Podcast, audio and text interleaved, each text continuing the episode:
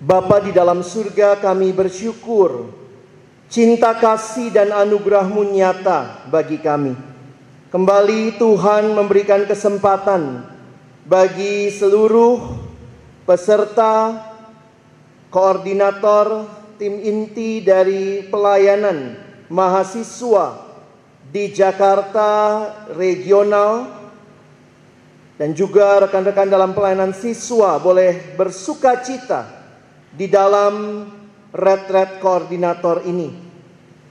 Kami percaya bahwa Engkau Allah yang merencanakan semuanya bagi kami.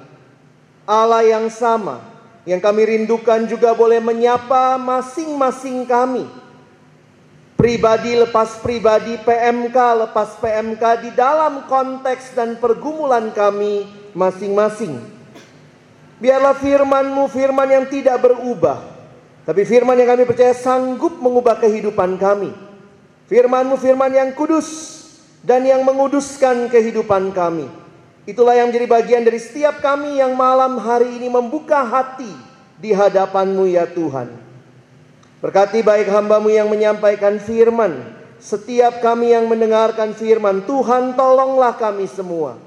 Agar kami bukan hanya menjadi pendengar-pendengar firman yang setia tetapi mampukan dengan kuasa dari rohmu yang kudus.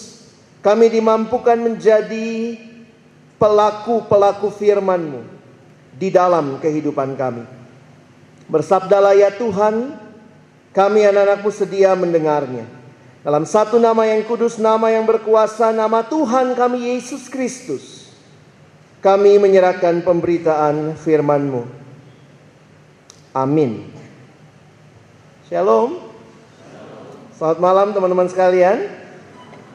Kita bersyukur kepada Tuhan kesempatan seperti ini langka tapi Tuhan izinkan kita kumpul sama-sama beberapa hari ke depan Tuhan mau berbicara kepada kita di dalam Red Red Koordinator ini. Kita sama-sama akan belajar dalam beberapa hari ini dari tokoh Daud Memang kita akan melihat uh, beberapa hal tentunya yang kita kaitkan dengan tema kita ya. Hari ini kita bicara panggilan menjadi pemimpin. Saya akan menolong teman-teman dengan slide yang ada. Saya harap tidak ada kendala kita bisa lihat sama-sama dan nanti kita akan belajar bersama begitu ya. Baik, teman-teman setiap kali bahas tokoh-tokoh di dalam perjanjian lama, saya selalu ingat ayat ini. Kita baca sama-sama ya. Satu, dua, iya. Sebab segala sesuatu supaya kita teguh berpegang pada pengharapan oleh ketekunan dan penghiburan dari kitab suci. Tidak kebetulan kita belajar dalam tokoh-tokoh perjanjian lama. Dan tentunya satu hal yang pasti bahwa mereka menunjuk kepada Kristus sebagai penggenapan dari seluruhnya. Ya. Nah, sama-sama kita melihat beberapa catatan. Karena hari ini saya akan fokus melihat kepada kualitas karakter Daud, ya. Dan apa yang Alkitab sampaikan tentang Daud di dalam menuliskan tentang dia. Nah, mari kita buka dulu Kisah Rasul pasal 13. Lihat di Alkitabmu dulu ya.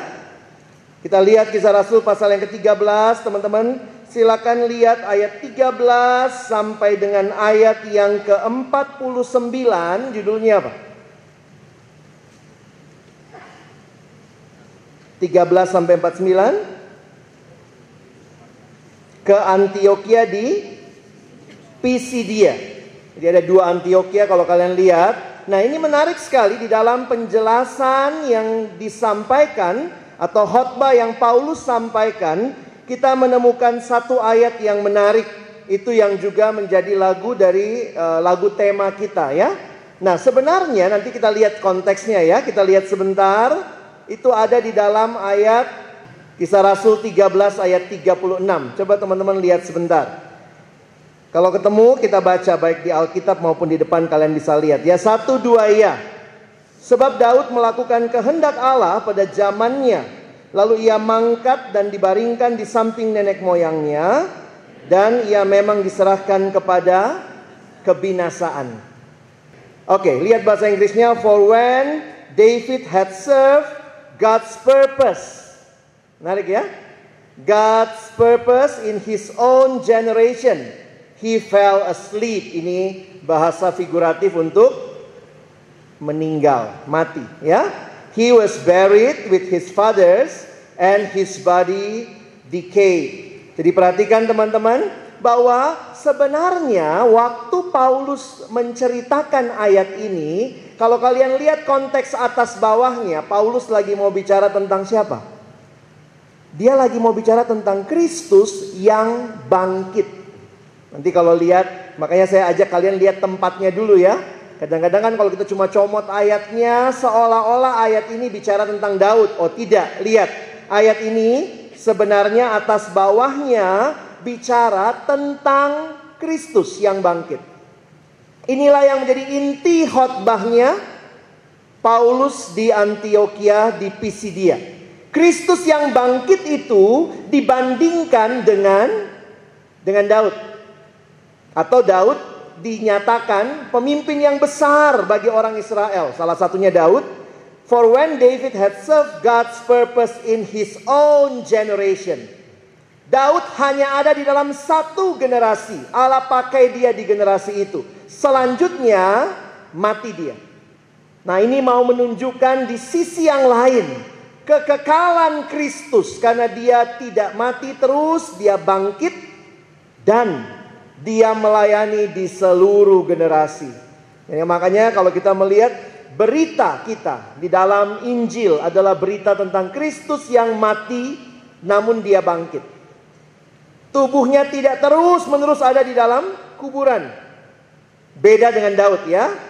He fell asleep, He was buried with his fathers and his body decayed. Sehingga teman-teman, makin saya mempelajari Alkitab, makin menyadari semua yang kita lihat luar biasa dalam diri orang seperti Daud, sebenarnya penggenapan sempurnanya ada di dalam Kristus ya. Makanya PMK tidak memberitakan Daud ya. Ada nggak yang PMK yang memberitakan Daud? Tiap minggu Daud, Daud. Oh kita akan bicara teladan Daud. Tapi kita kembali diingatkan bahwa seluruh Alkitab sebenarnya sedang bicara tentang Kristus yang mati dan bangkit. Ya. Nah, karena itu pemimpin yang bangkit dan menang itu memanggil kita dan kita bisa belajar malam ini salah satunya dari contoh kisah Daud ya. Nah, kita akan melihat panggilan Allah bagi Daud. Ya, kita buka 1 Samuel 16 ayat 1 sampai ayat 13. Setiap kali Alkitab bicara Allah memilih, kita sadar betul itu bukan sesuatu kualitas yang kita miliki makanya Allah pilih kita, bukan ya? Allah memilih karena kasih karunia-Nya bukan apa yang dilihat oleh mata. Tapi Allah melihat katanya dituliskan di dalam bagian ini kepada hati ya. Baik, teman-teman, kita baca ayat 1 sampai 13. Yang pria kalian baca ayat 1. Yang wanita baca ayat 2. Kita bergantian sampai dengan ayatnya yang ke-13. Judul yang diberikan LAI, Daud diurapi menjadi raja. Pria mulai 1 2 ya. Berfirmanlah Tuhan kepada Samuel, berapa lama engkau berduka cita karena Saul? Bukankah ia telah kutolak sebagai raja atas Israel? Isilah tabung tandukmu dengan minyak dan pergilah. Aku mengutus engkau kepada Isai orang Bethlehem itu, sebab di antara anak-anaknya telah kupilih seorang raja bagiku.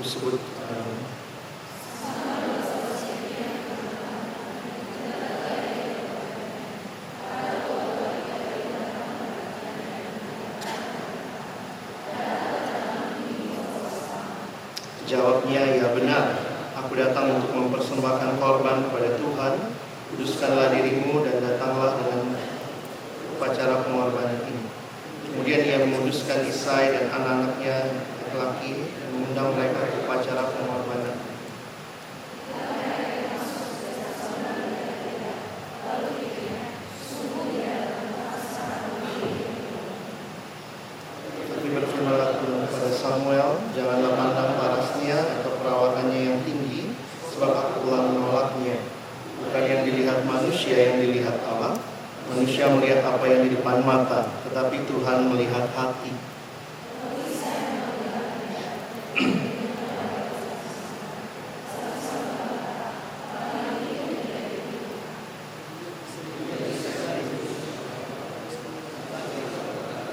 Orang ini pun tidak begitu.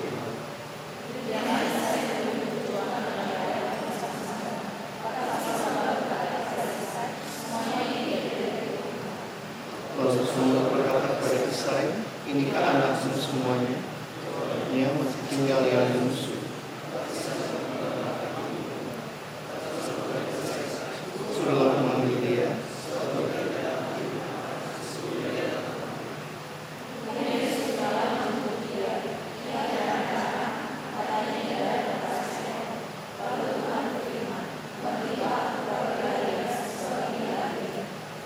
Samuel mengambil tabung tanduk berisi minyak itu dan mengurapi dalam tengah-tengah saudara-saudara. Sejak hari itu dan seterusnya berkuasa Tuhan atas Daud. Baik, teman-teman yang dikasihi Tuhan, eh, menarik sekali melihat kisah ini, dan kita harus ingat konteksnya. Kenapa kita perlu mengingat konteksnya? Karena sebenarnya Saul masih jadi raja. Jadi, kalau nanti kita perhatikan, Allah menolak Saul, lalu sebelum Saul turun, Saul masih terus berkuasa sampai akhirnya dia mati. Tapi Allah menyuruh Samuel mengurapi Daud. Makanya Samuel takut kan? Dan kalau kita perhatikan, ini adalah konteks yang menarik bagaimana Allah bagi saya bukan cuma memilih pemimpin, perhatikan, Allah menyiapkan pemimpin. Teman-teman yang dikasihi Tuhan, mungkin kita yang duduk di sini pun kaget kalau lihat ke belakang. Kok saya jadi pelayan inti di kampus kita? Benar? Atau ada yang sudah menduga? Begitu masuk kampus, pokoknya saya mau gantikan dia, turun kau. ada yang gitu ya? Biasanya sih ya.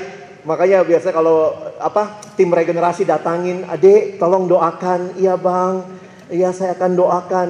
Terus ditanya lagi gimana jawabanmu? Aku nggak yakin bang. Terus ada lagi gimana deh? Aku nggak layak. Wah saya pikir itu yang Tuhan cari ya. Coba begitu misalnya ditawarkan. Coba deh, kamu bergumul jadi ketua. Ya, oh iya saya layak bang. Pasti kau nggak jadiin ketua dia ya. Uh, so, sorry deh, doa lagi lebih lama. Jadi kalau salah jawab, jawabnya aku nggak layak. Oh orang kayak kamu yang dicari deh. Ayo mari gitu ya. Memang menarik kita melihat kalau bicara kepemimpinan ini kita bisa bilang iya dong saya memang udah disiapkan saya kayaknya anak emasnya di PMK tuh ya kayaknya saya yang dibesarkan untuk dituai begitu ya. Tapi di sisi lain mari kita menyadari panggilan Allah dan kisah Daud ini memberikan satu pemahaman kepada saya Allah bukan hanya mem mem memilih pemimpin, Allah menyiapkan di dalam hal yang bahkan kita tidak pernah sadari. Masih ingat cerita Mas Oka tadi? Dia bikin apa program komputer itu untuk disket itu entah tahun kapan, tapi Tuhan berkenan pakai dia sekarang. Jadi kalau saya melihat bagaimana Tuhan menyiapkan saya, saya nggak tahu juga gimana Tuhan nyiapin teman-teman begitu ya. Saya harap malam ini kita bisa refleks apa refleksi sejenak ya, melihat ke belakang bagaimana perjalanan Tuhan mempersiapkan kita. Kebetulankah kau masuk di kampusmu? Mungkin itu bukan pilihan pertamamu. Betul? Banyak yang bukan pilihan pertama, bahkan nggak milih. Ada yang bapaknya beli formulir. Ada yang pernah cerita sama saya. Saya nggak milih, bapakku yang beri formulir karena bapakku udah tahu kok nggak bakal lulus kayaknya masuk negeri gitu ya. Jadi dibelikan formulir takut anaknya nggak kuliah gitu ya. Nah, saudara, mari kita sejenak bersyukur kepada Tuhan. Luar biasa anugerahnya. Daud di dalam konteks itu memang sedikit berbeda karena raja sebelumnya jahat. Saya nggak bilang koordinator sebelumnya jahat ya, jangan begitu ya. Karena koordinator sebelumnya sangat jahat di mata Tuhan, Tuhan bangkitkan saya. Sombong kali kau. Coba lihat ayatnya ya. Uh, ini kalau kita lihat tadi, uh, Daud nampaknya nggak diperhitungkan di rumah. Ini apa sih pudan ya? Kok bontot ini lucu juga loh. Masa abang-abangnya adiknya yang suruh nangon uh, apa kambing domba gitu ya. Tapi menarik itu persiapannya Tuhan buat dia ya.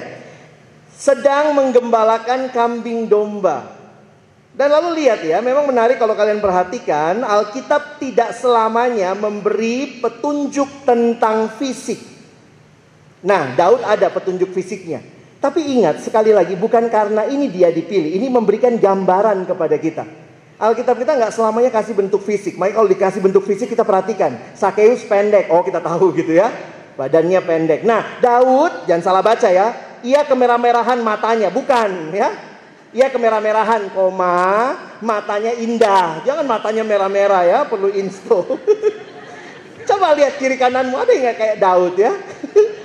Kau merahnya dapat deh, jerawatmu banyak, merahnya dapat, tapi matanya nggak dapat matanya bikin orang nggak suka lihat. Dan parasnya elok. Wah ini uh, diikuti dengan apa ya penampilan fisik yang lumayan ya. Tapi nampaknya badannya tidak terlalu jadi fokus. Mungkin dia tidak setinggi Saul. Perhatikan waktu Saul ditulis di pasal sebelumnya waktu Samuel memilih dia ini satu hal yang sangat membedakan. Beberapa penafsir melihat Ketika Saul itu karena undian. Saul jadi raja karena diundi, diundi, diundi keluarlah satu dari sukunya itu. Bahkan Saul nampaknya tidak anticipated dia jadi raja pertama. Tapi untuk Daud Tuhan memilih. Nah, ini menarik untuk kita perhatikan. Memang Israel minta raja itu sebenarnya sesuatu yang keterlaluan. Tuhan menjadi raja mereka selama ini. Karena itu mereka sebenarnya tidak butuh raja. Tapi mereka datang sama Samuel dan mengatakan kami minta raja seperti yang dimiliki oleh bangsa-bangsa lain. Lalu Samuel udah ingetin, inget loh raja kalau minta kuda kamu harus kasih kuda. Nggak apa-apa. Nanti kalau kalian baca pasal-pasal sebelumnya ya. Dan Samuel sudah ingatkan, kalau kamu punya raja, ini pada baca satu Samuel nggak? Baca ya. Jadi tahu yang saya sedang bicarakan ini apa ya? Abang itu cerita apa ya? Kok kuda? Woi bangun kau kuda. Awake my soul ya. Jadi ini diingatkan sebenarnya itu adalah uh, apa yang ada di kitab ulangan. Kalau kalian lihat referensinya sejak kitab ulangan Tuhan sudah mengingatkan Israel kalau nanti kamu punya raja ingat yang dia minta harus kamu kasih. Tapi yang menarik juga Tuhan mengingatkan raja itu harus taat kepada Tuhan. Nah jadi kalau teman-teman perhatikan sejak hari itu dan seterusnya berkuasalah roh Tuhan atas Daud. Jadi Daud ini sudah diurapi jadi raja tapi menunggu jadi rajanya masih lama. Ya. Nah ini jadi hal yang menarik juga untuk kita perhatikan. Makanya saya katakan Allah bukan hanya memilih, Allah mempersiapkan Daud. Nah, teman-teman yang dikasihi Tuhan, kenapa Allah mempersiapkan? Lihat konteksnya. Saya balik lagi ke kisah Rasul 13. Kita baca sebentar ya. Kisah Rasul 13 ayat 22 sebenarnya juga ketika bicara sampai ke Yesus, Paulus menceritakan sejarah Israel. Ya, coba kita baca. Satu, dua, ya. Setelah Saul disingkirkan,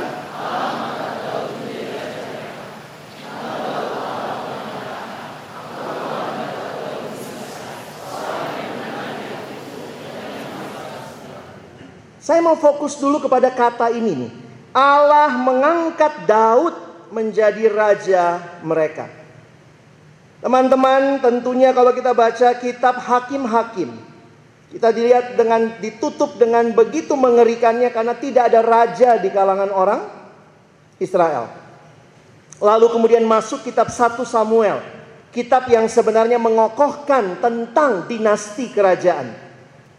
Dan di situ kita melihat bagaimana Tuhan berkehendak memilih orang yang tepat. Nah, saya ingin ingatkan kita.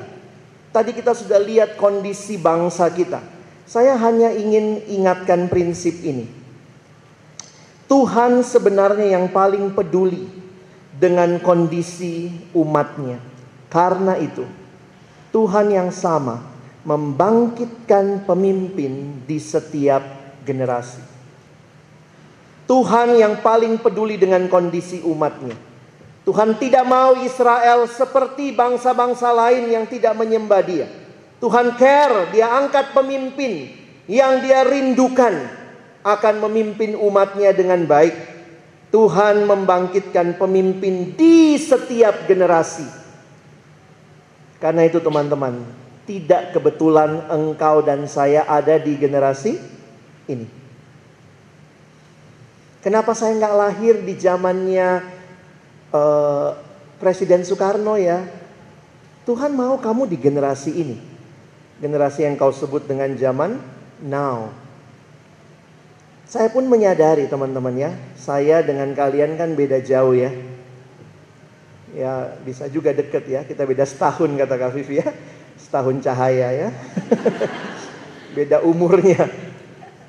Saya duduk di bangku di kalian itu kira-kira berapa belas tahun yang lalu. Saya ikut RK 3. Bu gitu ya. Kak Vivi tuh ikut RK 1. Jadi kalau pikir-pikir iya ya, setiap RK pemimpinnya zaman itu yang jadi panitia sekarang pernah ikut RK di zamannya, ya. Dan engkau ada di sini karena Tuhan punya rencana. He is the Lord of history. Apa itu history? History. This is not your own story.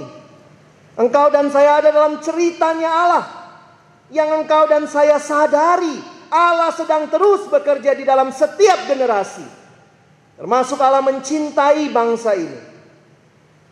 Allah mencintai mahasiswa. Allah mencintai siswa. Kadang-kadang kalau saya pikir-pikir balik ke belakang begitu ya. Saya udah sharingkan di RK tahun lalu juga karena tahun lalu kita fokus bicara God story. Saya kadang suka amazed dengan Tuhan.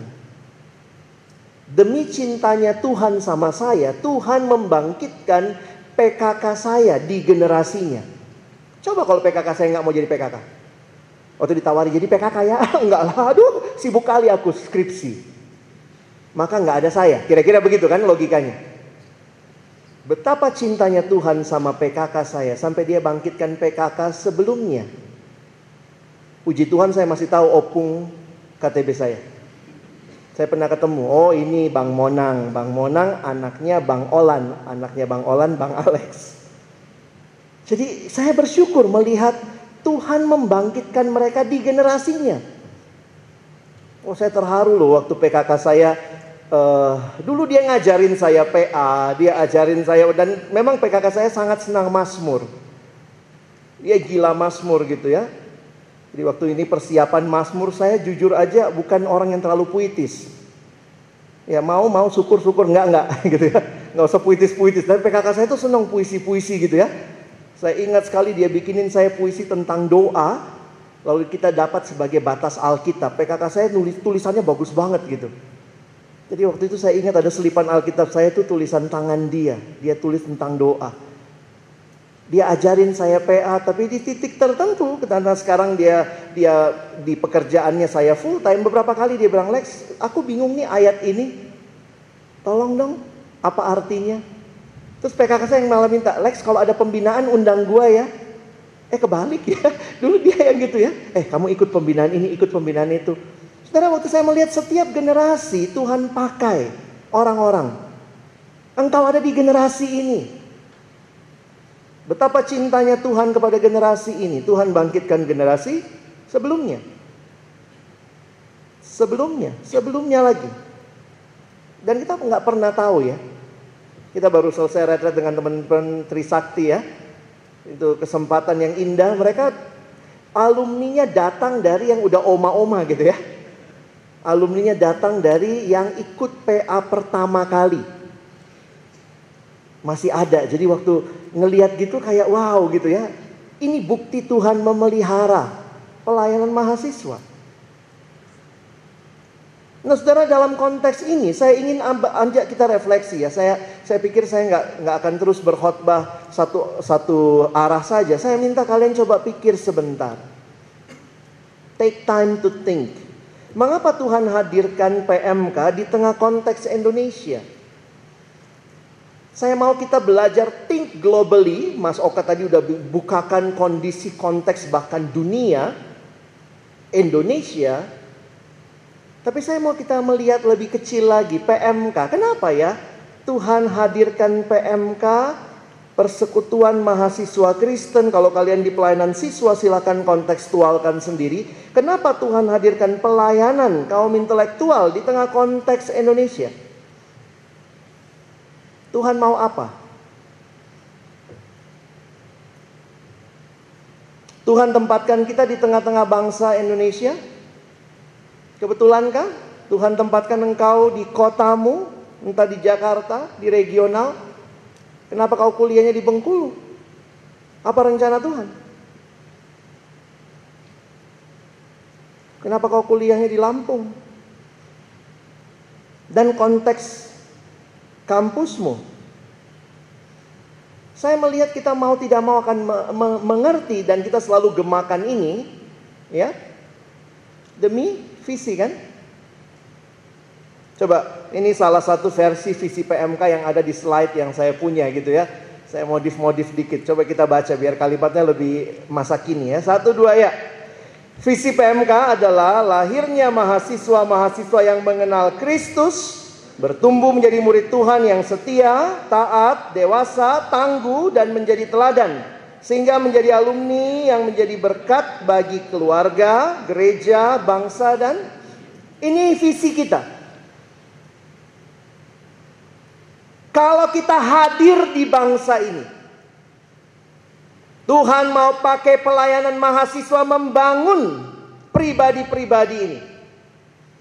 Sejak mahasiswa sampai alumni. Di mana letaknya teman-teman dan saya? Saya coba uh, potretkan begitu ya. Nah, saya melihat PMK itu kayak rumahnya. Di mana letaknya pemimpin? Jadi ada orang masuk kampus, kan dia nggak cuma kuliah. Bersyukur ya kalau di sekolahmu, di kampusmu ada pelayanan siswa atau pelayanan mahasiswa. Jadi ada mahasiswa yang masuk. Dan keluarnya kita harap dia jadi alumni yang berperan di keluarga, gereja, bangsa dan dunia. Di mana teman-teman dan saya? PMK ini kan harus ada yang ngatur ya. Harus ada yang mengorganisir. Kalian undang saya bang datang ke kampus kenapa? Ada PJ. Bisa nggak saya datang sendiri? Kenapa abang datang ke PJ kami? Oh tadi malam Yesus telepon saya. Pergilah ke kampus itu. Saudara, letaknya kita ada di sini. Kenapa Tuhan bangunkan pemimpin-pemimpin di kampus-kampus, di pelayanan mahasiswa, di pelayanan siswa? Teman-teman kayaknya visi itu begitu besar, tapi kita lihat Tuhan sedang membangunkan kita di titik ini. Karena itu tiap kali saya pimpin RK, saya katakan saya tidak melihat hanya ada 100 sekian orang di sini. Berapa orang kita? 100 berapa? 175 atau ada yang bukan orang? Di balik kalian ada ratusan orang dari PM kamu. Ada ratusan siswa yang kau layani. Kalau kau dibangunkan, ratusan orang dibangunkan. Tapi kalau kau gagal, kau tidak alami kebangunan mungkin juga kau membuat begitu banyak orang di kampusmu tidak dilayani dengan baik. Pemimpin-pemimpin yang sibuk dengan dirinya sendiri. Persis seperti Saul. Tapi kalau engkau dan saya dibangunkan. Saya melihat di ruangan ini bukan hanya ada 170-an orang. Di ruangan ini ada kota Jakarta. Ada Lampung. Ada Banten. Ada Bogor. Ada Palembang. Ada Jambi. Engkau dan saya dibangunkan Tuhan untuk sesuatu yang jauh lebih besar. Apa bagianmu di PMK? Koordinator, tim inti, pengurus, PKK, pelayan. Visi kita besar. Retret ini bukan retret sekelompok pemimpin. Tapi kerinduan saya ketika para pemimpin dibangunkan maka ada perubahan besar bagi bangsa ini, bagi gereja, bagi dunia. Hayati teman-teman ya, melalui setiap program kerjanya, merindukan. Apakah ini kerinduan kita? Kamu kumpul rapat proker, kamu bikin tusar untuk pembicara, kamu bikin kartu untuk selamat datang buat orang di PMK. Kamu training MC, kamu training pemusik, apakah ini kerinduan kita? Kita tidak lagi main PMK-PMKan ya. Nggak lagi main uh, stufel-stufelan, student fellowship kalau di siswa. Ya, kamu jadi ketua-ketuaan ya, saya jadi sekretaris-sekretarisan ya. Nanti kita ajak jemaat-jemaatan datang. Kenapa? Ya sudah sekedar melakukan rutinitas. Apakah setiap kita yang mengerjakan benar-benar menyadari akan visi Allah yang ada di dalamnya? Karena tidak mungkin Tuhan bangkitkan engkau dan saya hanya demi pekerjaan rutin tanpa makna. Dengar kalimat saya. Tidak mungkin Tuhan bangkitkan engkau. Hanya mungkin melakukan pekerjaan rutin tanpa makna. Saya yakin bukan itu rencana Tuhan. Hal yang rutin yang dimaknai dengan melibatkan Tuhan di dalamnya akan melihat dampak yang luar biasa. Ini bukan rutinitas yang kita sedang bangun. Saya melihat merindukan ada pribadi-pribadi yang berjumpa dengan Tuhan secara pribadi dan jadi murid. Saya merindukan ada yang rela bayar harga untuk melayani sesama.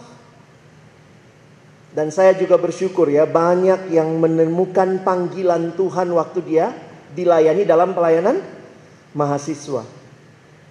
Termasuk saya salah satunya. Saya dimenangkan di siswa tapi saya menemukan sadar panggilan hidupnya menyerahkan diri kepada Allah yang memanggil melalui pelayanan mahasiswa. Dilihat ini teman-teman ya. Kalau kita mengerjakan dengan satu pemahaman yang dalam, kita punya spiritualitas yang bangun. Kita tidak sekedar melakukan rutinitas. Kalian rindu ada oka bicara di sini, oka-oka lagi?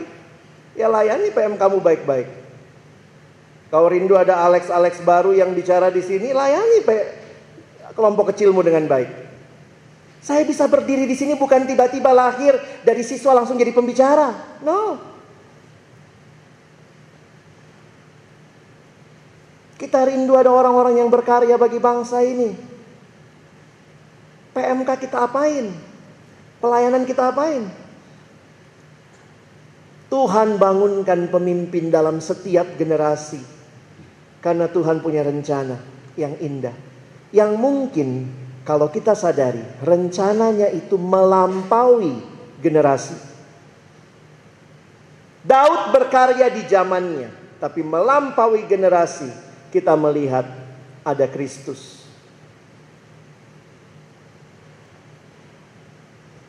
Saya simpulkannya begini ya. PMK adalah salah satu cara Allah mengasihi bangsa ini kau tidak sungguh-sungguh melayani, Kau tidak sungguh-sungguh memimpin PM kamu, kau menyia-nyiakan salah satu cara Allah mengasihi bangsa ini.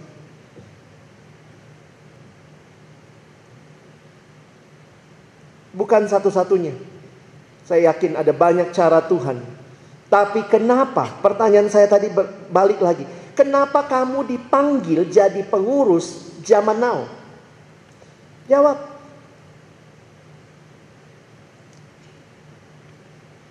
Kalau kau jadi ketua hanya karena kau rasa kebetulan, kemarin pas pemilihan semua pilih saya. Saya sih nggak mau sih melayani, cuma ya terpilih. Saya cuma ingatkan lagi, lihat rencana Allah. Di dalam hal yang nampaknya mungkin begitu biasa, begitu natural, tangan Allah hadir dan mau memakai engkau.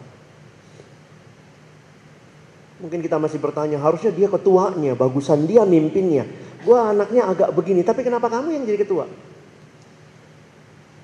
Kenapa kamu yang jadi koordinator? Kenapa kamu yang jadi tim inti? Mungkin temanmu yang lain lebih baik.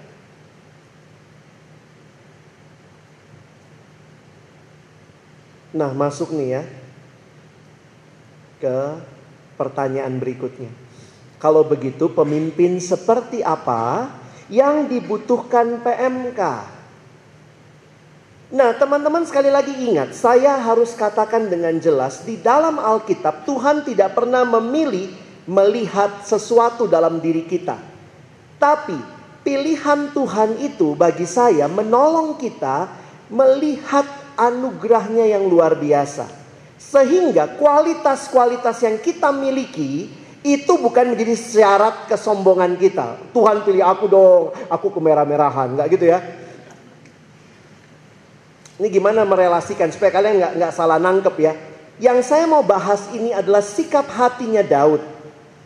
Dan saya rindu sikap hati ini kita miliki. Ya, ini bukan syarat untuk dipakai Tuhan, bukan syarat supaya Tuhan memilih kita, tapi justru saya melihat dalam misteri pemilihan ilahi ini menjadi hal yang Tuhan nyatakan khususnya dalam konteks Daud.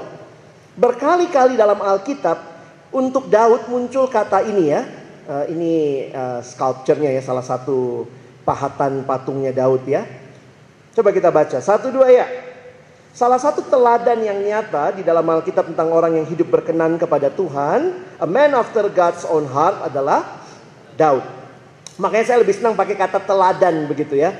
Jadi maksudnya gini, makin kamu membentuk merindukan hatimu seperti Daud, Tuhan akan makin leluasa bekerja melalui kita. Ya. Nah, kita mau belajar malam ini cukup satu poin ini. Apa artinya a man after God's own heart? Ya. Di dalam kisah Rasul tadi, saya ajak tadi teman-teman baca, fokus saya tadi kepada Allah yang mengangkat, ya. Tapi di sini saya garis eh, saya bold adalah Daud bin Isai, seorang yang berkenan di hatiku dan yang melakukan segala kehendakku. Balik lagi bahasa Inggrisnya juga membold hal yang sama. A man after my own heart. Teman-teman, mau tidak mau untuk mengerti apa artinya a man after God's own heart, kita mesti melihat konteksnya ayat ini muncul. Perhatikan ayat ini munculnya bagaimana, kapan munculnya, ternyata dikaitkan dengan pemimpin sebelumnya. Jadi ternyata ayat utamanya ini bukan eh, atau Paulus mengutip apa yang ada. Nah, saya kasih judulnya begini. Apa sih kesalahannya Saul sampai Tuhan cari orang yang mengikuti hatinya? Kira-kira gitu ya. Nah kita lihat sebentar kesalahannya Saul. Ketika itu Saul ketakutan, dia takut hilang muka di depan orang Israel. Dia mendahului imam. Ingat Saul raja. Raja tidak boleh mempersembahkan korban. Itu bagiannya imam. Jadi waktu saya baca satu komentar dia bilang di situ kelihatan Daud tidak sabaran eh, Saul ya. Saul tidak sabaran, Saul sombong, Saul luar biasa tidak taatnya. Nah, kita lihat ayatnya ya. Yuk, di 1 Samuel 13 ya. Coba kita baca sama-sama. Satu, dua, ya. Tetapi kata Samuel, apa yang telah kau perbuat? Jawab Saul, karena aku melihat rakyat itu berserak-serak meninggalkan aku.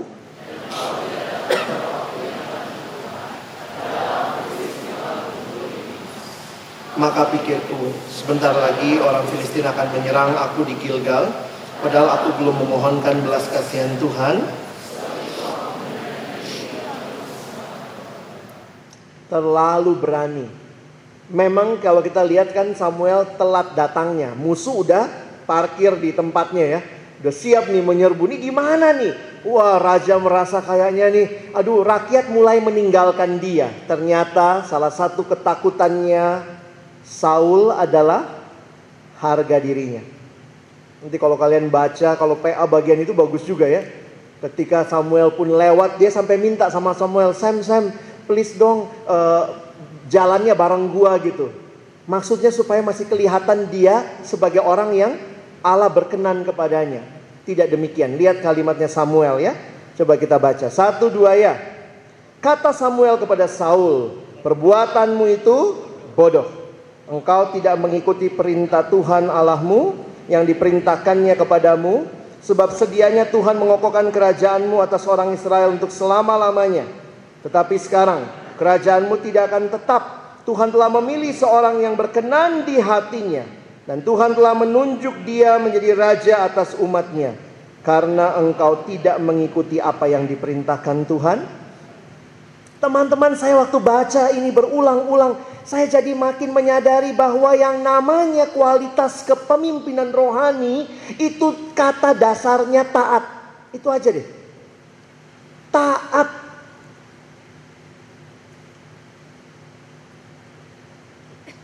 perbuatanmu itu bodoh. Engkau tidak mengikuti perintah Tuhan Allahmu yang diperintahkannya kepadamu. Kamu nggak ikuti perintah Tuhan. Ternyata kesuksesan di dalam pelayanan bukan performance kita. Wih gila kalau jadi MC bagus banget ya. Gila kalau dia ngomong berwibawa. Angin pun gemetar. Saya lihat ternyata bukan itu kesuksesan pemimpin. Bukan di dalam hal-hal eksternal. Tapi bagaimana dia belajar taat. Oh teman-teman ini pelajaran berharga banget ya. Karena itu di retret ini banyak kesempatan kita menggali kenal diri kita. Ya, Mari jujur di hadapan Tuhan. Kita ini orang yang seperti apa? Mulai besok kita akan masuk melihat kepada siapa kita. Jadi apa artinya a man after God's own heart? Ya orang yang mengikuti Tuhan, maunya Tuhan, perintahnya Tuhan, benar-benar mengikuti keinginannya Tuhan, willnya Tuhan, kehendaknya Tuhan, as simple as that. Kita kalau cari pengurus carinya kayak gimana sih? Bisa main gitar. Sebenarnya unik ya yang waktu Tuhan Yesus cari apa ya mau commissioning Petrus, mau diutus, dia tanyanya apa sama Petrus? Pet, apakah engkau mengasihi aku? Nanya sampai berapa kali? Tiga kali. Ada nggak waktu jadi pengurus disharingkan jadi tim inti?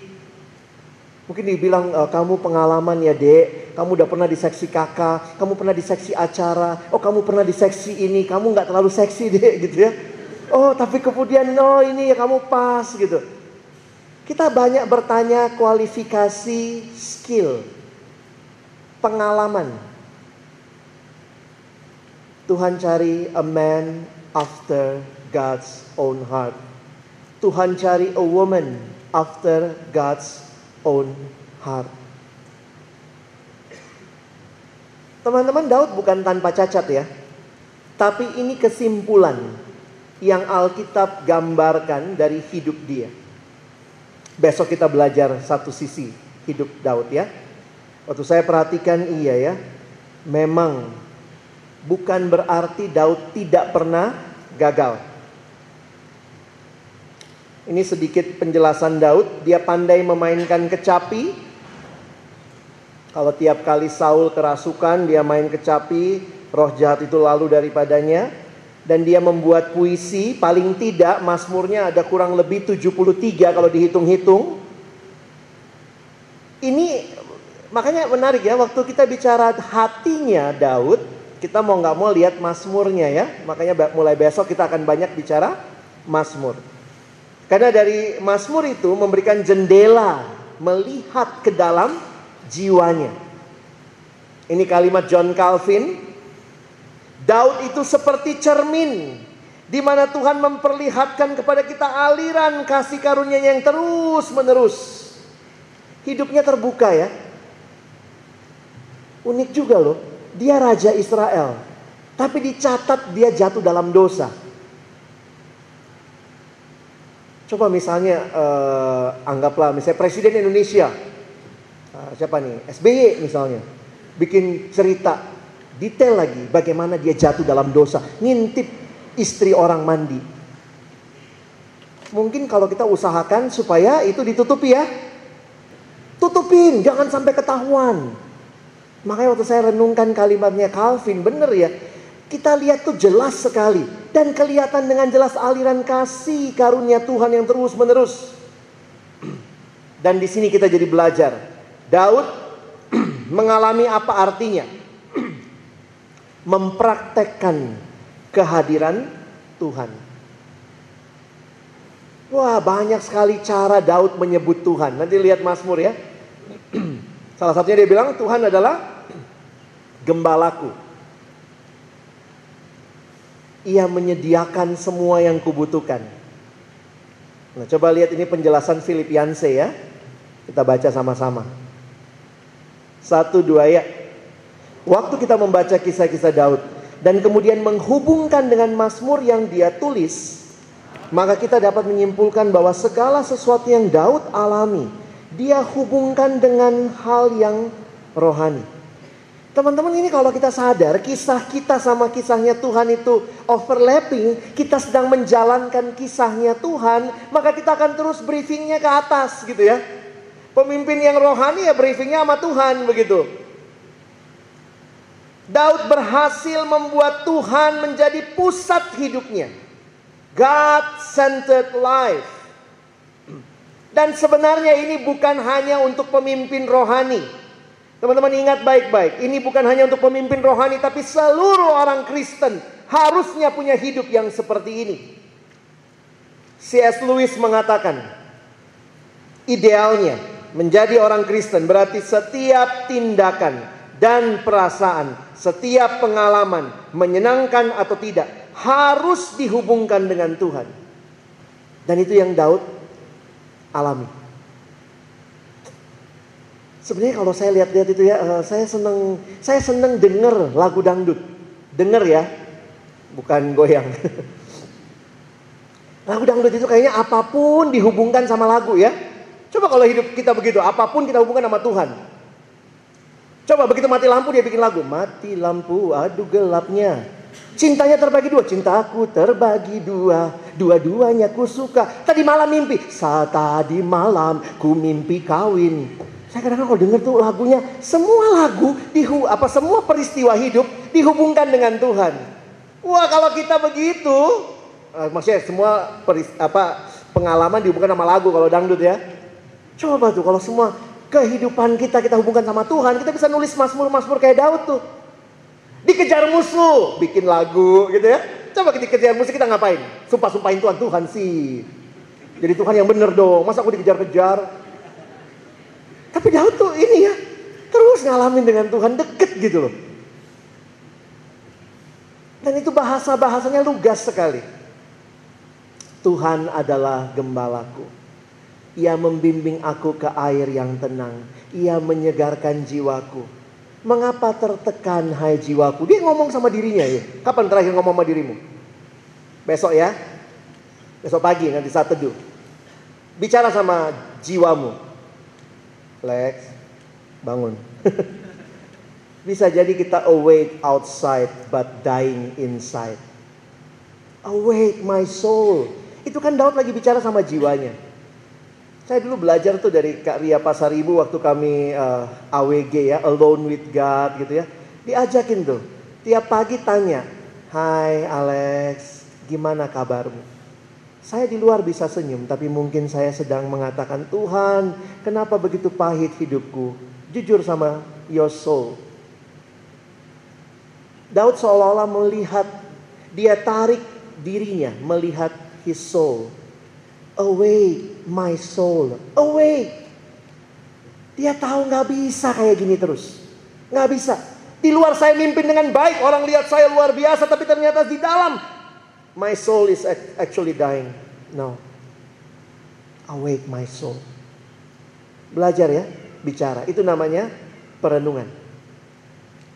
Perenungan itu bukan cuma apa ya renung-renungkan. Oh iya ya, kayak kayak kemarin ya aku sempat ketabrak. Enggak, itu itu terlalu terlalu superficial. Try to talk with your soul. Ya, kalau kalian belum terlalu biasa tanya pemimpin kamarmu. Kalau dia nggak biasa juga tanya Tuhan ya. Udah bingung juga. Tapi itu di Alkitab berkali-kali bicara kepada soul. Nah, saya simpulkan ya malam ini supaya kita ada kesimpulan. Jadi pemimpin rohani, PMK itu butuhnya pemimpin rohani. Pemimpin rohani yang kayak apa? Nah, saya simpulkannya begini. Pemimpin rohani atau pemimpin spiritual adalah pemimpin yang dipimpin Allah untuk memimpin sesama. Ini kerinduan kita. Pemimpin yang dipimpin Allah mau taat sama Allah, mau ikut yang Allah mau. Pemimpin yang benar-benar bergantung kepada Allah itu namanya pemimpin rohani. Kalau tidak engkau dan saya mungkin hanya punya jabatan pemimpin organisasi pelayanan. But actually we are not a spiritual leader. Engkau mau memimpin sesama? Beri dirimu dipimpin Allah. Ini kuncinya. Malam ini pemimpin seperti apa yang Tuhan cari? Tuhan panggil kita dari berbagai latar belakang. Tapi dia mau engkau dan saya bersedia dipimpin terlebih dahulu olehnya. Sebelum engkau dan saya memimpin sesama. Apa maksudnya? Saya tutup dengan satu kisah di dalam 2 Samuel pasal 5. 2 Samuel pasal 5 ini cerita sederhana. Saya cari bolak-balik dalam banyak komentar tidak banyak yang menjelaskan. Tapi ini selalu berkesan buat saya. Di banyak RK saya bagikan kisah ini. 2 Samuel 5 ayat 17 sampai 25. Ini masa Daud mulai memimpin. Saul sudah mati. Oke, Daud mulai memimpin. Nah, perhatikan dia mengalami musuh-musuh dari dulu ya. Ini melawan Filistin. Coba kita baca 17 sampai 21 terlebih dahulu ya. Saya baca 17 sampai 21. Ketika didengar orang Filistin bahwa Daud telah diurapi menjadi raja atas Israel, maka majulah semua orang Filistin untuk menangkap Daud tetapi Daud mendengar hal itu lalu ia pergi ke kubu pertahanan. Ketika orang Filistin itu datang dan memencar di lembah Refaim, bertanyalah Daud kepada Tuhan, "Apakah aku harus maju melawan orang Filistin itu? Akan kau serahkankah mereka ke dalam tanganku?" Tuhan menjawab Daud, "Majulah, sebab aku pasti akan menyerahkan orang Filistin itu ke dalam tanganmu." Lalu datanglah Daud di Baal Perasim dan memukul mereka kalah di sana, berkatalah ia, Tuhan telah menerobos musuhku di depanku seperti air menerobos. Sebab itu, orang menamakan tempat itu Baal Perasim. Orang Filistin itu meninggalkan berhalanya di sana lalu Daud dan orang-orangnya mengangkatnya. Pada waktu itu kalau perang bangsa-bangsa lain suka bawa Allah-Allahnya, berhalanya, dipanggullah. Makanya waktu kalah ditinggal Daud angkat. Nah ini gambaran yang menarik. Para penafsir hanya fokus melihat kepada ini adalah peneguhan dari bangsa-bangsa di sekeliling Israel yang ditaklukkan oleh Daud. Tapi perhatikan, saya kagum dengan sikap Daud. Teman-teman lihat ayat 22. Ketika orang Filistin maju sekali lagi dan memencar di lembah Refaim. Lihat, musuhnya sama, Filistin. Tempat perangnya sama, lembah Refaim. Lihat sikap Daud, ayat yang ke 22. Maka bertanyalah Daud kepada Tuhan. Saya lama mikir ayat ini ya. Kok Daud nanya sama Tuhan? Musuh sama, tempat perang sama. Kenapa nggak maju aja? Tapi Daud tanya sama Tuhan. Ini pemimpin yang meminta Allah memimpin dia setiap waktu. Daud tidak dipimpin oleh pengalaman. Kalau Daud dipimpin pengalaman, nggak usah tanya Tuhan, maju aja lagi. Eh, Daud nanya loh sama Tuhan. Waktu nanya, Tuhan jawab, wah ini Tuhan kita hebat ya. Dan ia menjawab, janganlah maju. Tuhan anti mainstream. Ah masa gerak maju lagi? Ah malas lah. Ya. Tuhan bilang, "Ud, sekarang pakai gaya melingkar ya." Tetapi buatlah gerakan lingkaran sampai ke belakang mereka sehingga engkau dapat menyerang mereka dari jurusan pohon-pohon kertau. Dan bila engkau mendengar bunyi derap langkah di puncak pohon-pohon kertau itu, maka haruslah engkau bertindak cepat. Sebab pada waktu itu Tuhan telah keluar berperang di depanmu untuk memukul kala tentara orang Filistin. Dan Daud berbuat demikian seperti yang diperintahkan Tuhan kepadanya. A man after God's own heart seperti yang diperintahkan Tuhan kepadanya. Maka ia memukul kala orang Filistin mulai dari Geba sampai dekat Gezer. Makin saya sadari, kalau pemimpin pelayanan mahasiswa tidak menjadi orang-orang yang dipimpin oleh Allah, maka engkau akan memimpin PM kamu dengan sekedar pengalaman. Tidak ada yang salah dengan pengalaman. Belajar baik-baik dari pengalaman. Tapi setiap generasi perlu bertelut di hadapan Tuhan. Memohon Tuhan nyatakan apa. Karena setiap generasi punya pergumulan yang berbeda. Ingat baik-baik. Allah yang sama. Generasi yang berbeda. Pemimpin rohani butuh bergantung kepada Allah. Beberapa PMK copy paste program tahun lalu. Iya bang, biar nggak rap, biar nggak lama rapatnya. Copy paste. Kenapa? Tahun lalu ada satu tahun ini satu teduh juga lah. Tahun lalu ada doa, bikin lagi doa. Tahun lalu ada retret, bikin lagi retret. Nggak ada yang salah dengan itu. Yang salah adalah ketika itu cuma jadi program berdasarkan pengalaman. Stop sebentar, bertanya kepada Tuhan, bergumul di hadapan Tuhan, berseru kepada Dia. Saya mengalami hal-hal seperti ini belakangan ketika terlibat dengan pelayanan perkantas secara internasional. Kami rapatnya kadang-kadang pakai Skype karena kami sedang mempersiapkan satu acara internasional tahun depan di Afrika Selatan. Kami rapat pakai Skype. Menarik sekali melihat uh, attitude dari teman-teman staff di luar sana ya. Jadi kalau kami rapat gitu ya, terus kemudian kita mulai usulin ya. Misalnya waktu itu kami rapat bertiga cuma ya, sama saya seksi acara kami rapat bertiga. Alex, kamu kepikirnya perikop mana? Ini staff di Jerman yang mimpin kami. Saya bilang saya kayaknya lihatnya coba deh dari ayat ini.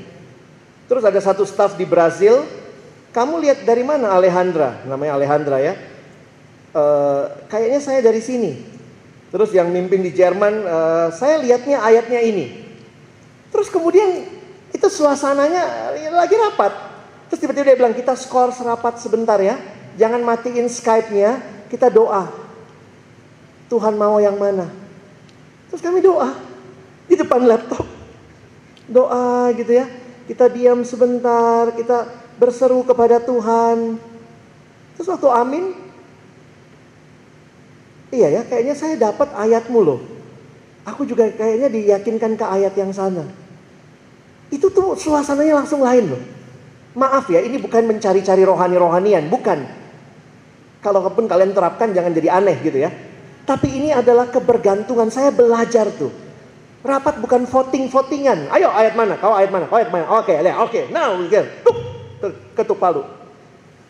Itu di tengah-tengah rapat berhenti sebentar. Doa. Terus dia bilang kita ambil waktu ya 5 menit syukuri hasil rapat ini. Terus kita ambil waktu 5 menit, syukuri hasil rapat. Terus habis itu dia bilang gini, boleh nggak sebelum kita tutup, masing-masing satu dua kalimat apa yang kita pelajari dari rapat hari ini. Terus saya bilang, iya saya menikmati ya Tuhan pimpin kita loh. Kita beda negara, beda time zone, bisa rapat, bisa sepakat. Terus yang satu bilang, iya ya, saya bersyukur loh ini begini, begini, begini. Yang satu lagi, jadi saya akhirnya menikmati iya ya. Kalau Tuhan hadir, kita pun perlu menyiapkan diri untuk kehadirannya. Merindukan dia yang memimpin kita. Merindukan dia yang membangun PMK-PMK kita. Pelayanan di pelayanan siswa kita di kota kita. Jangan-jangan kita cuma kaya pengalaman. Apalagi kayak kami yang udah staff ya. Kayaknya ayat mana yang kita nggak tahu kira-kira begitu ya kasarnya ya. Ayat ini coba bang jelasin. Oke, okay, oke, okay, oke. Okay. Saya bisa jelaskan tapi apakah itu cuma sekedar penjelasan? Ataukah saya berdoa supaya engkau mengalami ayat itu? Kadang-kadang beda sekali sikap kita. Waktu kita bertelut berdoa. Kira-kira bagaimana pendiri-pendiri pelayanan mahasiswa kita. Ketika mereka mau bikin bikin acara Jumat misalnya. Apa yang mereka lakukannya di awal ya? Saya kagum juga waktu dengar beberapa cerita dari masa lalu ya. Eh bukan masa lalu yang tadi ya ada yang bilang dulu kami kalau mau tema Lex, kami doa puasa. Itu doa semalam-malaman, berdoa bergumul Tuhan minta apa yang Tuhan mau nyatakan buat teman-teman kami ini. Wah oh, beda ya kalau kita minta minta file tahun lalu, file tahun lalu. Copy paste, tusarnya sama. Saya beberapa kali dapat surat dari PMK sama persis. Dan saya bawakan tahun lalu, saya bawakan tahun ini, saya bawakan tahun depan juga gitu ya. Kadang-kadang saya mikir, kok kita kayak lagi main PMK PMKan. Beberapa kali suratnya juga gitu. Kepada yang terhormat Bang Alex, ini tema Jumat kami. Kami bersyukur terima kasih atas kesediaan Kak Vivi. Copy paste ini. Tuh teman-teman staff pernah nggak dapat surat begitu? Iya, sering ya. Saya sampai mikir gini loh. Apa yang apa yang melayani ngirim surat itu nggak benar-benar merindukan apa yang disampaikan bisa jelas pembicara terima dengan baik. Ya saya juga nggak tahu kalian doain kita nggak yang jadi pembicara gitu ya. Atau cuman yang penting saya udah kirim surat. Oh Bang Alex tuh pelupa tuh dia minta lagi suratnya. Jadi maksudnya gini loh, jangan-jangan pelayanan kita ini udah kayak office gitu ya. You send the letter, I receive, I receive, I send back. Lalu kalian uh, basa-basinya, abang apa yang mau didoakan, bagaimana persiapannya. Saya agak kesel tuh kalau ditanya bagaimana persiapannya uh, disiapin kok, ya Allah gitu. Bagusnya kalian ngomong aja gitu, Bang, kami doakan persiapan abang. Semangat ya bang, sudah dong. Ini kayak tanya persiapan. Uh, tanya persiapan saya juga bingung jawabnya. Uh, abang ayatnya mana? Gue yang hot baru yang repot. Janganlah. Bagianmu bagianmu, bagianku bagianku. Jangan ambil bagian orang gitu ya. Beberapa kampus sibuk sama ADART. ADART mesti sesuai ADART. Kalau ADART nggak sesuai dengan kehendak Tuhan, yang diubah mana? Kehendak Tuhan. Mesti sesuai ADART. Ya ampun, goblok. Maaf ya. Saul memimpin. Dengan cara itu Tuhan bilang, Samuel bilang, engkau bodoh. Sorry. Kalau semua perangkat-perangkat yang harusnya membuat kita lebih baik melayani, menghilangkan kebergantungan kita kepada Tuhan, we miss the point of having all facilities. Sebenarnya kan semua itu untuk menolong pelayanan kan? Tapi ternyata beberapa kali saya melihat malah itu kayak menggeser. Jadi kita nggak bergantung sama Tuhan, kita bergantung sama tools. Memang itu mesti selalu awake my soul ya, ingetin diri kita. Bagus tadi kalian itu pukul-pukul kaki, gitu ya, gitu ya. Bagus itu supaya bangun betul kau. Gampar besok bisa sama temanmu. Bo, bo, bo, gitu ya. Karena saya agak takut loh. Kita Orang bilang pelayanan mahasiswa menurun. Saya sih berharap tidak demikian. Kalau kita sadar, mulai dari kita benar-benar pulang dari sini bergantung kepada Tuhan. Handphone itu kan dulunya nggak ada ya. Makanya ada yang bilang dulu zaman dulu tuh kalau kalau pembicara nggak datang itu seksi acara rajin berdoa tuh. Kalau pembicara telah datang, aduh Tuhan, di mana pembicara? Kalau sekarang pembicara nggak datang, berapa nomor handphonenya? WA, WA. Ada Tuhan di situ?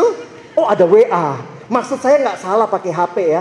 Tapi jangan menghilangkan kebergantungan kepada Tuhan.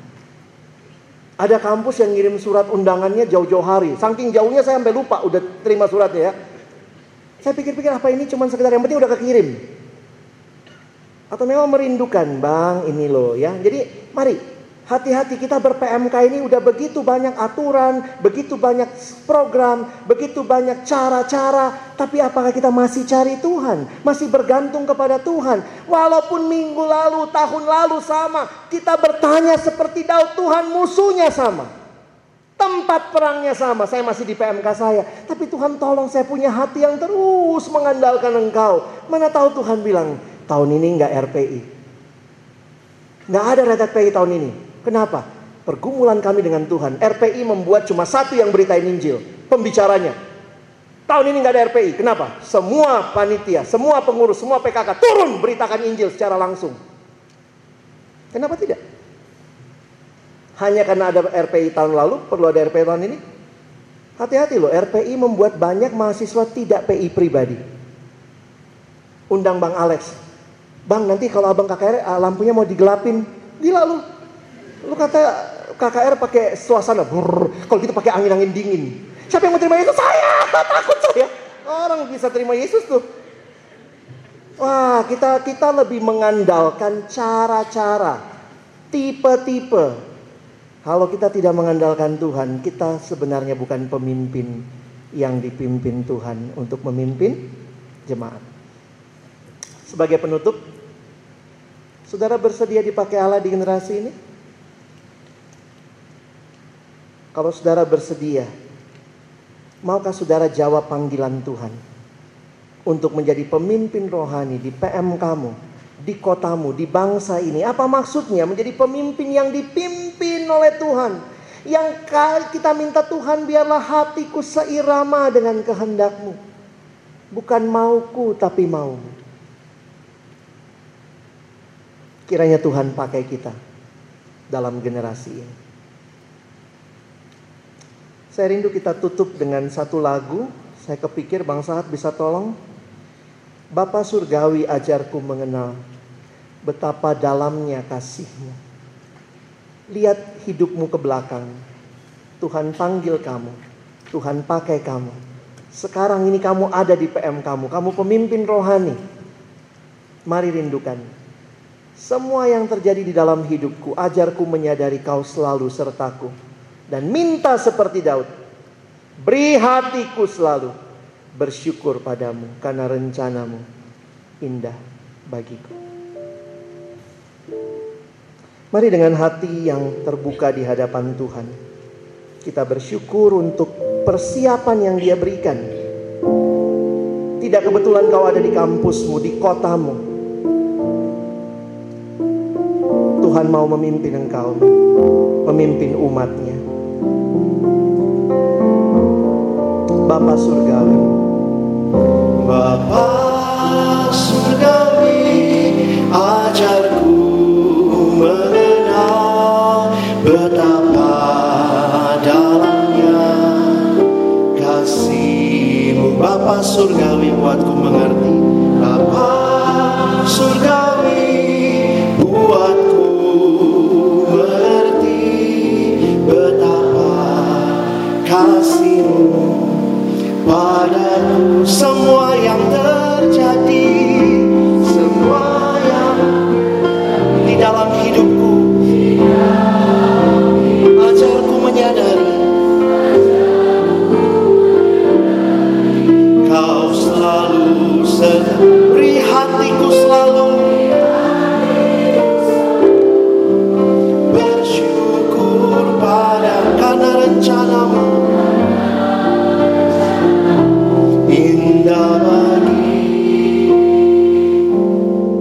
Waktu musik dengan lembut mengalun, mari kita ingat bagaimana Tuhan menyiapkan kita.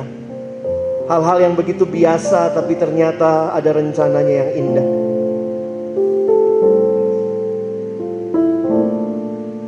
Katakan Tuhan terima kasih. Kau ubah aku. Kau pimpin aku.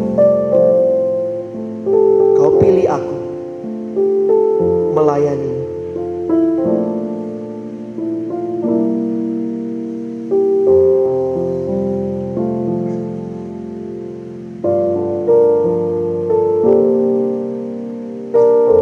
nyatakan tekad kita Tuhan aku mau dipakai engkau di dalam generasi ini.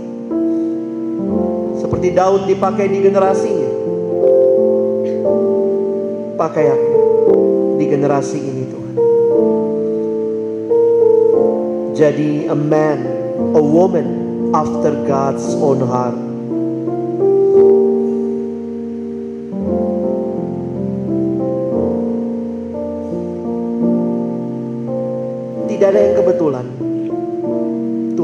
Tuhan rancangkan semua indah dalam waktunya.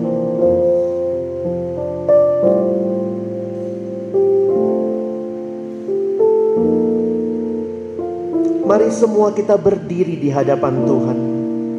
Kita taruh tangan kanan kita di dada kita. Kita nyanyikan lagu ini. Kita bersyukur kepada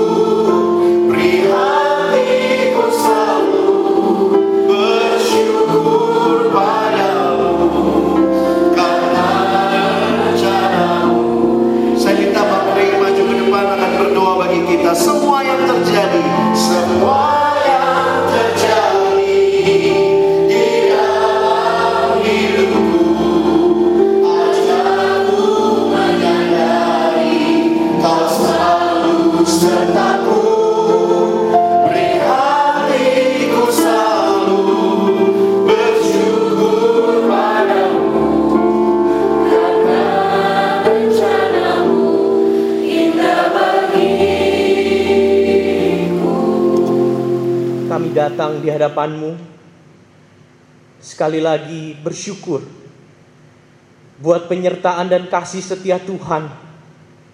Tuhan yang memanggil setiap kami nama demi nama. Tuhan yang memampukan kami boleh duduk saat ini. Terus memikirkan, terus menggumulkan siapa Tuhan dalam hidup kami. Siapa diri kami di hadapan Tuhan apa yang Tuhan telah kerjakan dalam hidup kami, apa yang Tuhan akan kerjakan melalui hidup kami.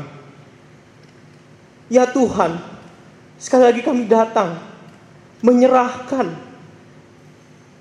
pergumulan pelayanan yang terlalu berharga ini menjadi pemimpin rohani, menjadi gembala. Tuhan, kami mau datang, kami mau mengejar, hatimu. Kami mau taat. Kami mau setia Tuhan. Tuhan kau yang tahu kedalaman hati kami. Hati ini bebal. Hati ini bodoh Tuhan. Bantu kami Tuhan. Kuatkan kami. Untuk boleh after your own heart. Mengejar apa yang Tuhan kehendaki. Mencintai apa yang Tuhan cintai memperhatikan apa yang Tuhan perhatikan. Dan kami sekali lagi memohon kuasamu yang menundukkan diri kami di hadapanmu. Berserah dan menyerah kepadamu. Kami bersyukur ya Tuhan untuk perenungan firman malam hari ini. Teruslah berbicara seluas-luasnya, sekaya-kayanya. Dan kami berdoa, perkataanmu boleh diam di dalam dan di antara kami. Kami bersyukur buat Bang Alex yang menyampaikan kebenaran firman-Mu. Tuhan yang boleh berikan kekuatan selama Bang Alex boleh terus mempersiapkan diri menjadi perpanjangan tangan kasih Tuhan bagi kami semua. Di dalam nama Tuhan kami Yesus kami berdoa. Amin. Firman Allah kepada Daud, Engkaulah yang harus menggembalakan umatku Israel, dan engkaulah yang menjadi raja atas Israel. Karena begitu besar kasih Tuhan melihat umat tanpa gembala, Tuhan menunjuk Daud untuk menjadi raja atas Israel, menjadi pemimpin atas Israel untuk menggembalakan umat kepunyaan Tuhan. Kiranya ketika Allah menyerahkan dombanya kepada kita, kita pun bisa mengasihi mereka karena Tuhan begitu mengasihi. Mari kita menyatakan doa permohonan kita kepada Allah agar hanya Tuhan saja yang memimpin hidup kita untuk menjadi gembala bagi domba-dombanya. Mari kita menyanyikan pujian Gembalakanlah kawanan domba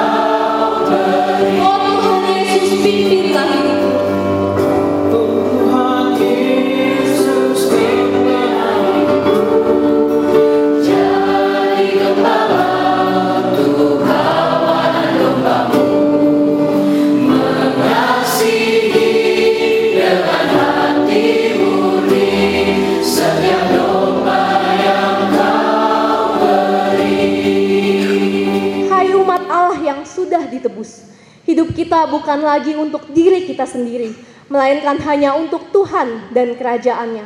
Semua kesenangan dan keinginan kita digantikan dengan kesenangan dan keinginan Tuhan. Mari kita menyatakan komitmen dan doa kita kepada Allah dengan berdiri.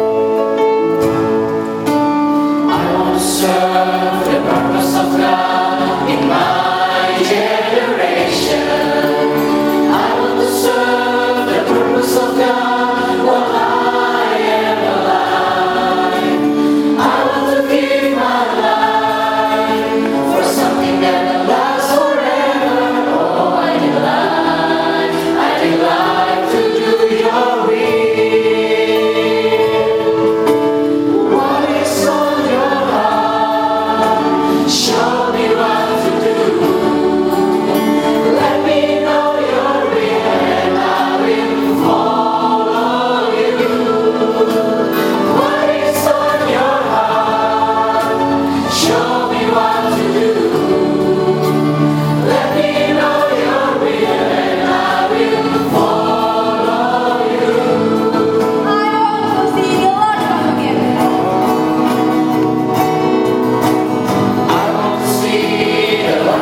yeah.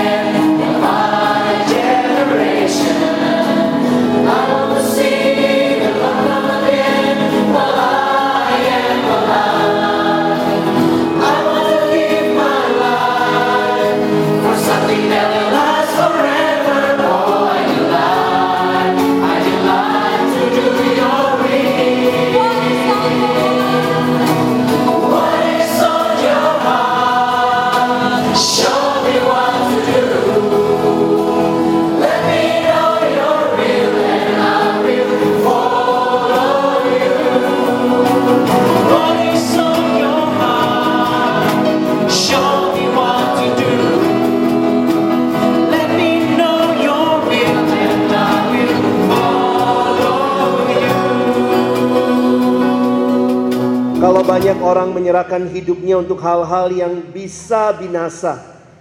Seperti Saul menyerahkan hidupnya hanya demi ketenaran popularitasnya, kedudukan jabatan. Kami belajar menyerahkan hidup kami for something that will last forever, which is to do your will, O Lord. Kami mau menyerahkan hidup kami untuk visi kerajaan Allah yang untuknya Tuhan sudah memberikan seluruh hidupmu bagi kami. Kami mau membangun kerajaanmu melalui PMK kami masing-masing. Tuhan kami terus memohon seperti pujian ini. What is on your heart? Show me what to do. And I will follow you. Tuhan kami mohon di dalam RK ini. Kami jadi man and woman after God's own heart. Karena itu kami memohon show us what to do. What is on your heart? Supaya waktu kami mengertinya kami belajar taat. Tidak menjadi bodoh seperti Saul. Terima kasih Tuhan. Biarlah sesi ini menjadi awal terus kami memohon Tuhan berbicara kepada kami sampai selesainya RK ini. Bahkan terus di dalam kami memimpin umat Allah. Di kampus kami, di PMK kami, di kota kami, bahkan bagi bangsa ini. Kami bersyukur dalam nama Yesus, kami berdoa. Amin.